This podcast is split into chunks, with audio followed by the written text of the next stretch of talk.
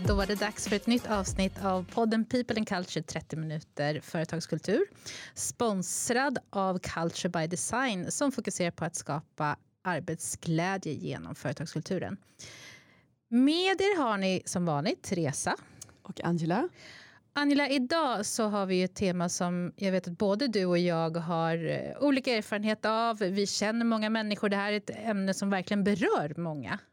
Verkligen. Det har ju, man ska säga ett ämne i tiden, men det här har ju varit något som har legat i tiden länge. Det har ju, vi pratar om, eh, om företags, eller välmående, om medarbetares välmående. Vi pratar om hållbara medarbetare. Ja, och då kände vi att vi ville bjuda in en gäst som verkligen har satt sig in i det här ämnet och till och med skrivit en bok. Angela, vem är det vi har bjudit in? Idag har vi med oss Maria Ergül som, från Vägra väggen eh, som är specialist på just hållbara medarbetare och performance management. Välkom Välkommen hit, Maria! Jättemycket. Då blev ett välkommen i kör. Känner mig extra välkommen. ja, visst, det är inte ofta som vi brukar prata i mun på varandra. Eh, superkul att ha dig här, Maria. Eh, kan inte du berätta lite? Du har ju skrivit en bok om det här ämnet, Vägra väggen. Kan inte du berätta lite? Hur kom det sig att du kom dit? Eh, ja, jag har ju en lång bakgrund inom HR och Eh, jag är uppe i 14 år nu och min, i min roll som HR är ju en del av det arbetet att säkerställa eh, eller att se till så att vi arbetar förebyggande mot just stress och att eh, skapa rutiner och processer för just hållbara medarbetare. Men 2016 så var jag också en av många som drabbades av just utmattning och Eh, det tog ganska lång tid för mig att acceptera att jag också var en av dessa, vilket jag vet att många känner, precis som mig, att man tror att det drabbar alla andra utom en själv.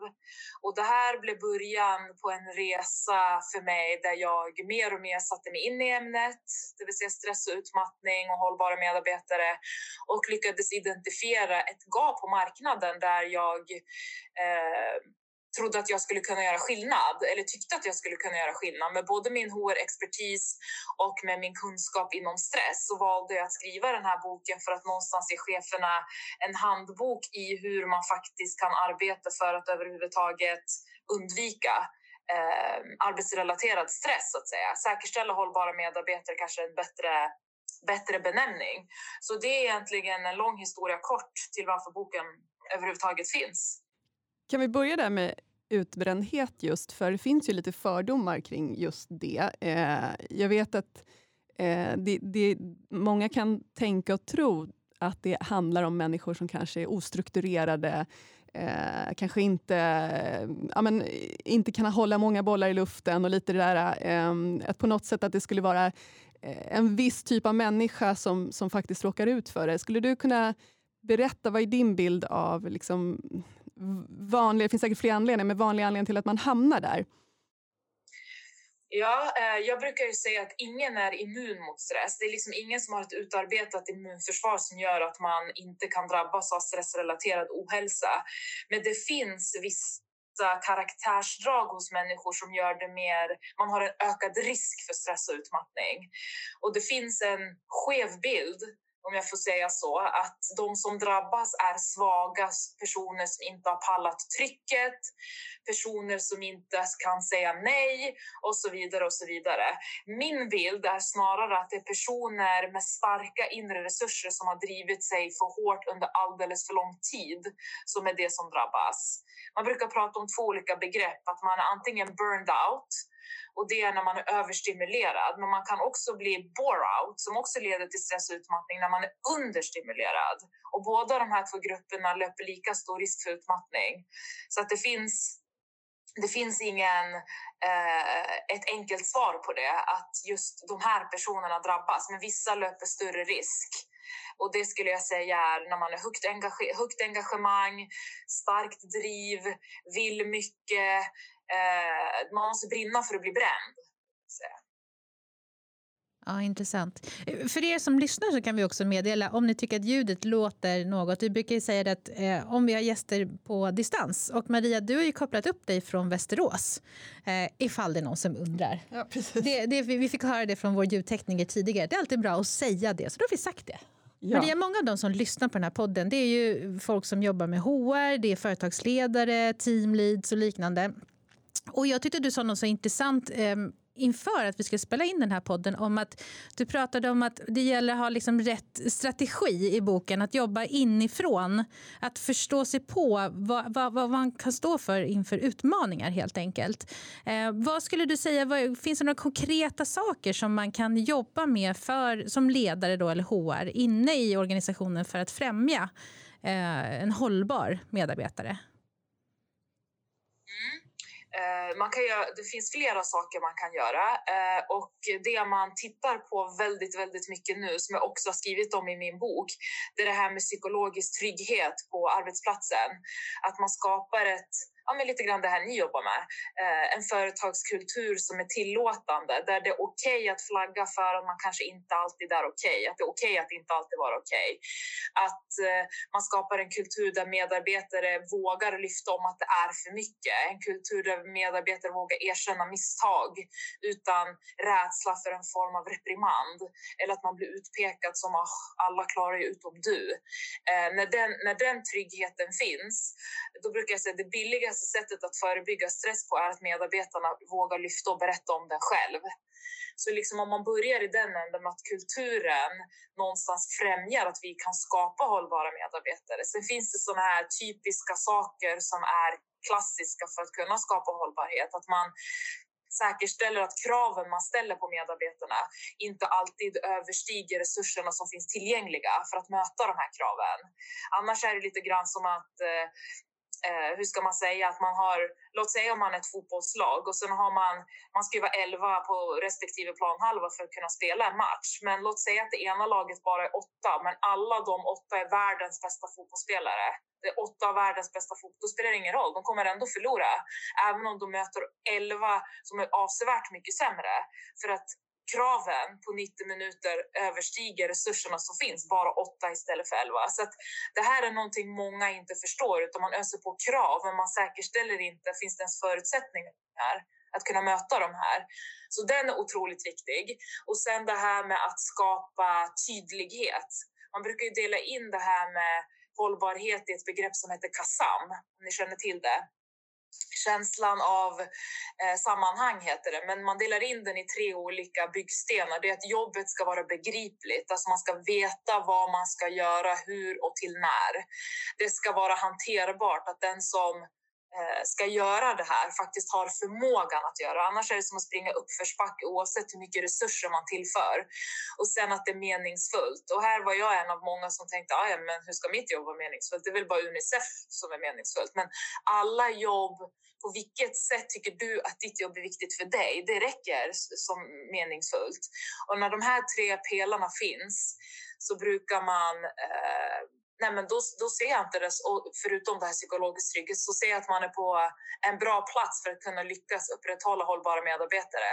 Men bilden är att man behöver köpa in 351 olika processer som bara är extrajobb för alla och det kommer inte ut något vettigt av dem. Och så skickar man folk på jag vet inte hur många coachingtimmar på företagshälsovården och så kommer de tillbaka till kaoset igen. Så att man, man har fokuserat mer på vad man kan göra externt istället för att du kan lösa exakt alla utmaningar internt. Jag tycker det är intressant att du lyfter den där eh, modellen där du tar upp de här olika aspekterna man behöver tänka på när det gäller just för medarbetaren ska kunna kännas... eh, ja, men att det ska vara, in, inte uppleva negativ stress.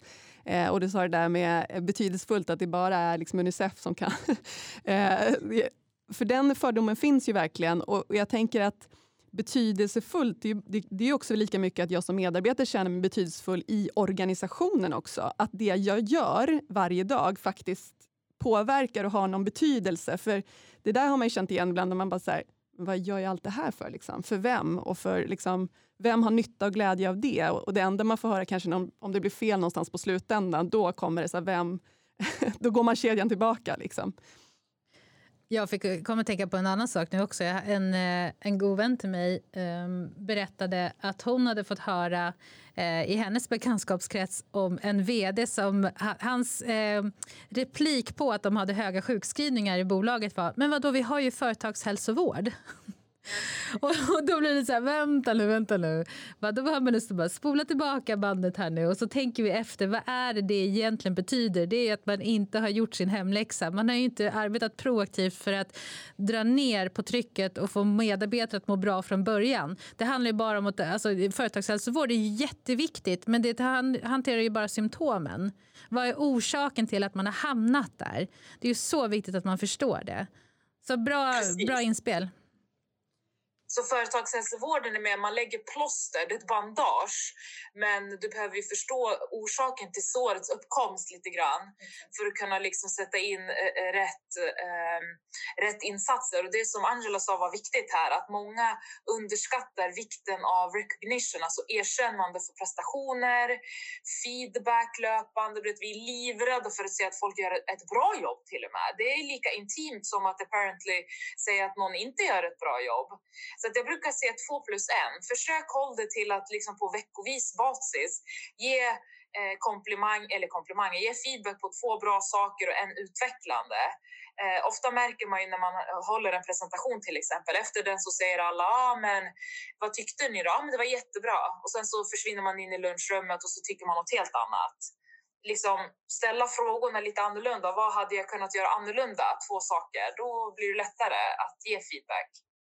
Jag funderar lite grann på, så här, nu pratar du förebyggande och så vad man kan göra och hur man ska tänka för att inte hamna där. Men hur kan man uppfatta signaler? Vad finns det för signaler på att det här håller på att gå åt skogen eller här har vi problem?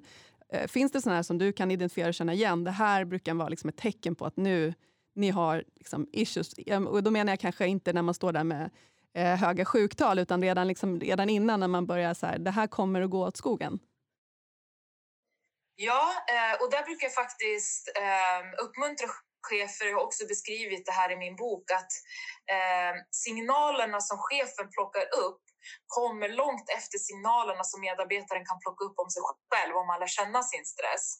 Men klassiska saker som jag tycker att en chef ska vara lite uppmärksam på, det är om prestationen försämras. Händer det någonting? För jag brukar säga att tecken på stress och ohälsa är alltid ett nytt förändrat beteende. Och för att man ska kunna plocka upp det så behöver chefen vara lite medveten om vad har min medarbetare för beteende vanligtvis så att säga. Vet man inte det då är det svårt att notera eventuella skillnader. Men en försämrad prestation, det är eh, upprepat så korttidsfrånvaro. Man kanske har huvudvärk ibland, man är lite oftare förkyld. Eh, man får antingen liksom en osäker alltså ökad osäkerhet i arbetsuppgifterna. Man behöver stämma av mycket oftare än vad man kanske har gjort tidigare. Eh, många eh, har en, ett behov av ökad kontroll, för när man känner sig stressad då känns det som att man har så mycket mer att göra, vilket inte alltid är fallet, men man har bara tappat kontrollen. Då upplevs berget mycket, mycket större. Det här är också eh, tecken på stress. Mejlar sent kvällar och helger, arbetar ofta övertid för att få komma i fatt. Eh, man kanske får ett förändrat beteende i möten, går till att bli mycket mer aktiv eller mindre aktiv. Eh, man kanske drar sig undan sociala sammanhang på jobbet, svårt att prioritera, försöker effektivisera allt. Eh, vissa blir till och med överenergiska, hyperaktiva. Det här är liksom tecken i arbetsutförandet som chefen kan märka. Medarbetaren själv kan märka försämrad sömn, eh, ökad puls, sämre humör eh, och sådana saker. Ont i magen. Jag, jag, tycker om det här att du lyfter att eh, du sa signalerna, när, när ledaren uppfattar det så, så har det oftast gått ganska långt eh, redan i processen. Jag har själv, jag har tagit upp det tror jag i podden tidigare också, jag har själv en erfarenhet av att eh, vara på väg att smälla in i väggen helt och hållet. Jag hade ju turen då att när det här kom upp till min chef så agerade han, i det här fallet, då, väldigt kraftfullt. Eh, för min erfarenhet när jag pratat med andra, det är oftast att eh, resultatet när man lyfter, när någon vågar, för du sa det innan också, vi kommer tillbaka, ska komma tillbaka till det tycker jag, det här med att våga lyfta. Men när då någon medarbetare vågar signalera det, att jag känner att det är lite mycket på mitt bord, då har det oftast gått mycket, mycket längre än vad medarbetaren själv kanske vågar erkänna. Och, och då är min erfarenhet när jag har liksom lyssnat på vad andra berättar så, så har de oftast fått alldeles för mjuka reaktioner. Det har blivit liksom, ja men ska du ta eh, gå hem lite tidigare idag. Liksom. Eller, alltså, man, man gör lite för lite istället för att göra lite för mycket. Riskerar att göra lite, lite för mycket och hellre plocka på mer sen då när det visar sig att det här var inte så allvarligt. Eh, har du, delar du den erfarenheten att, att att det ofta är så att man kanske är lite för, lite för feg eller vad ska man säga, lite för sparsam i, i sin... Man underskattar man kanske underskattar, snarare tack. hur kritiskt det är. Eh, dels det och sen så är man tafatt många gånger också att man inte, eh, man vågar liksom, många chefer eh, kan undvika att reagera för att gud, hur ska jag lösa det här om hon eller han inte hinner med den här arbetsuppgiften? Så att i många fall så förminskar med, eh, chefen medarbetarens känslor. Men det är mycket för alla nu. Eller vill du verkligen sätta dina kollegor i kläm? Om du inte gör det här måste jag lägga det på den. Det här är typiska typiska kommentarer som eh, chefer möter många med. Och i många fall när det är tjejer, kvinnor, så har de ofta fått höra också, men det är för att du har det där duktiga flicka-syndromet. Det har blivit som någonting som har fastnat på folks tungor. Man vet inte ens vad det betyder. Vi kallar folk för prestationsprinsessor. När har vi någonsin kallat en man för en prestationsprins? Alltså det finns ju inte ens det begreppet. Eh, så här blir många bemötta och sen så ber man folk att flagga för stressen. Men när de flaggar så skjuter man ner flaggan. Så då kommer folk sluta flagga för att äh, de gör ändå ingenting. Och då börjar det gå långt. Och sen hamnar man i en utmattning och då möts man av varför sa du inget?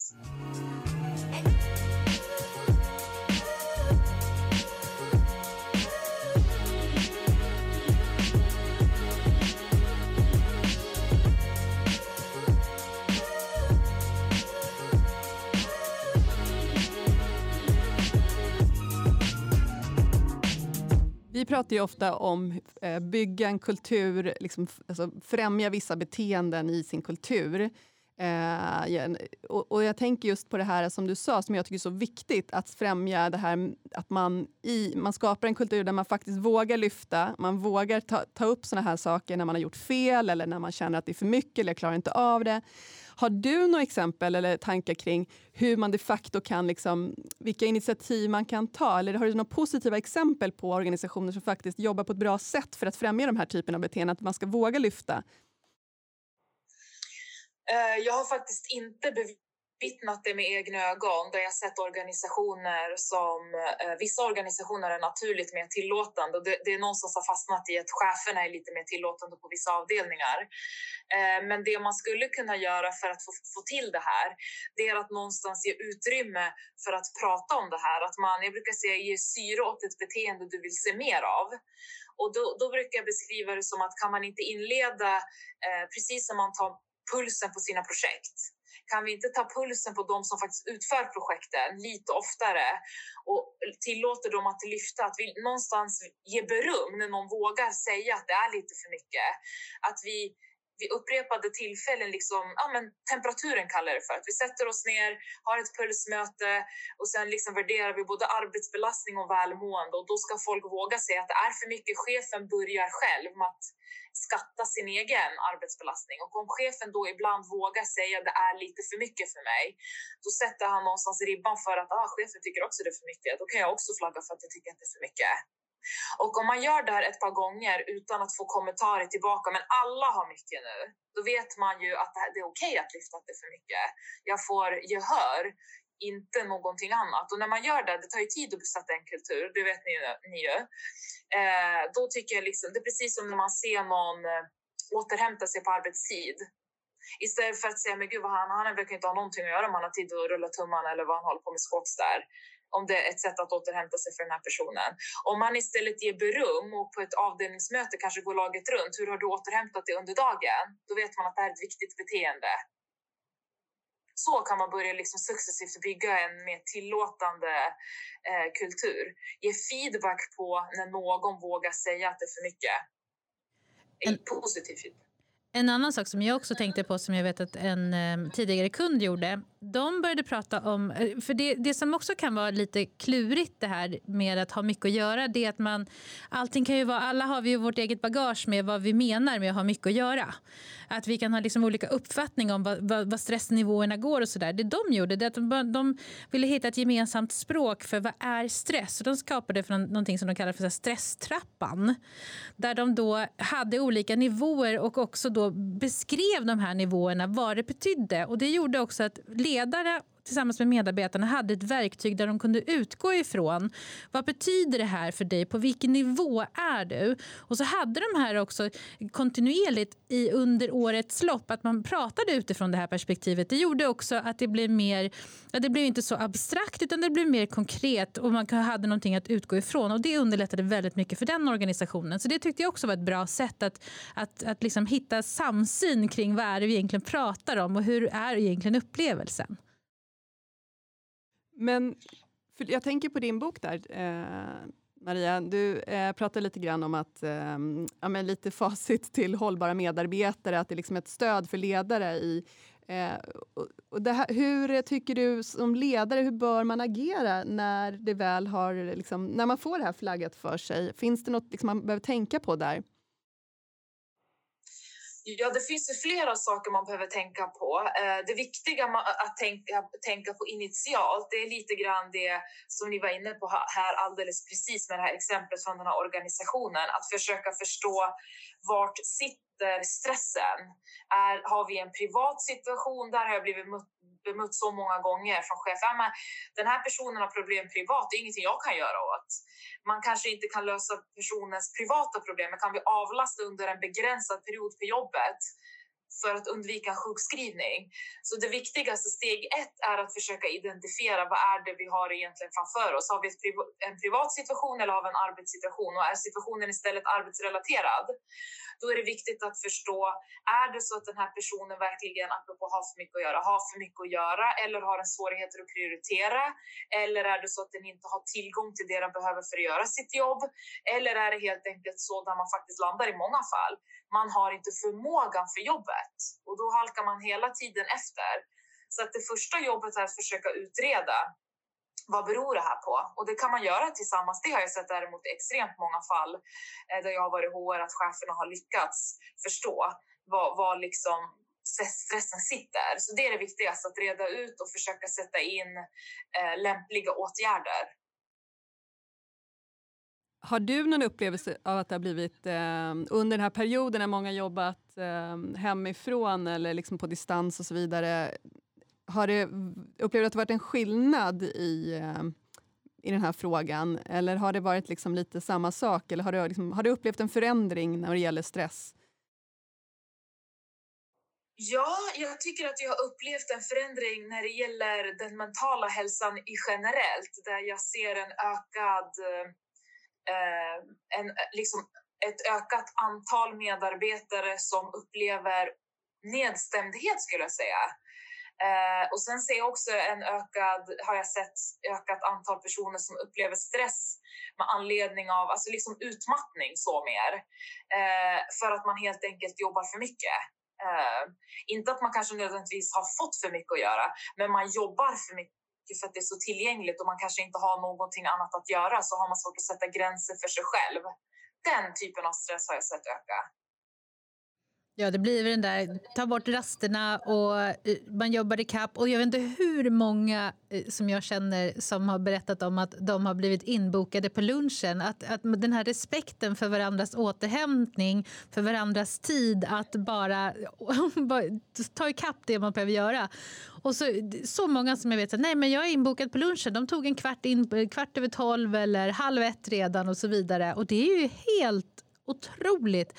Alltså det är lite som att vi människor har tappat hela den här kutymen i så här, vad är okej. Vi skulle ju aldrig göra något liknande på ett kontor.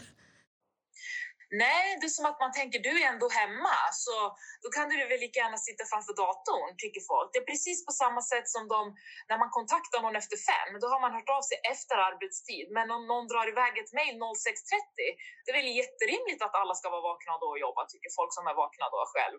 Det är också utanför arbetstid.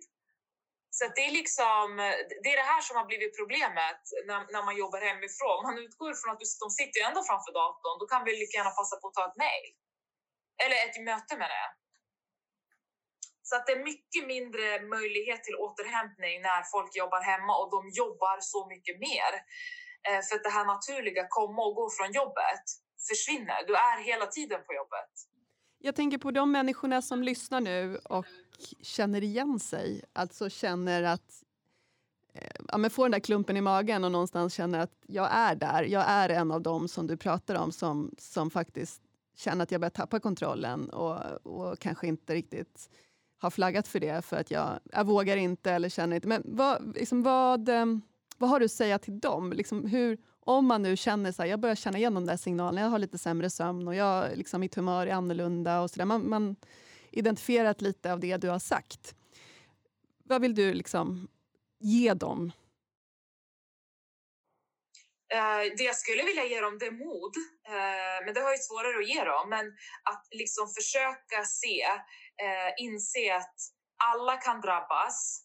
Det finns, ing, det finns liksom ingen skam i att känna att det har blivit lite för mycket. Det, det är lite för mycket för alla ibland. Eh, jag skulle också vilja säga till den här gruppen personer att eh, våga berätta för någon att be om hjälp är liksom ett tecken på styrka. Att våga be om hjälp är liksom ett tecken på att man vet att man har varit för stark för länge. Eh, för det här är det många brottas med, att man inte vågar be om hjälp.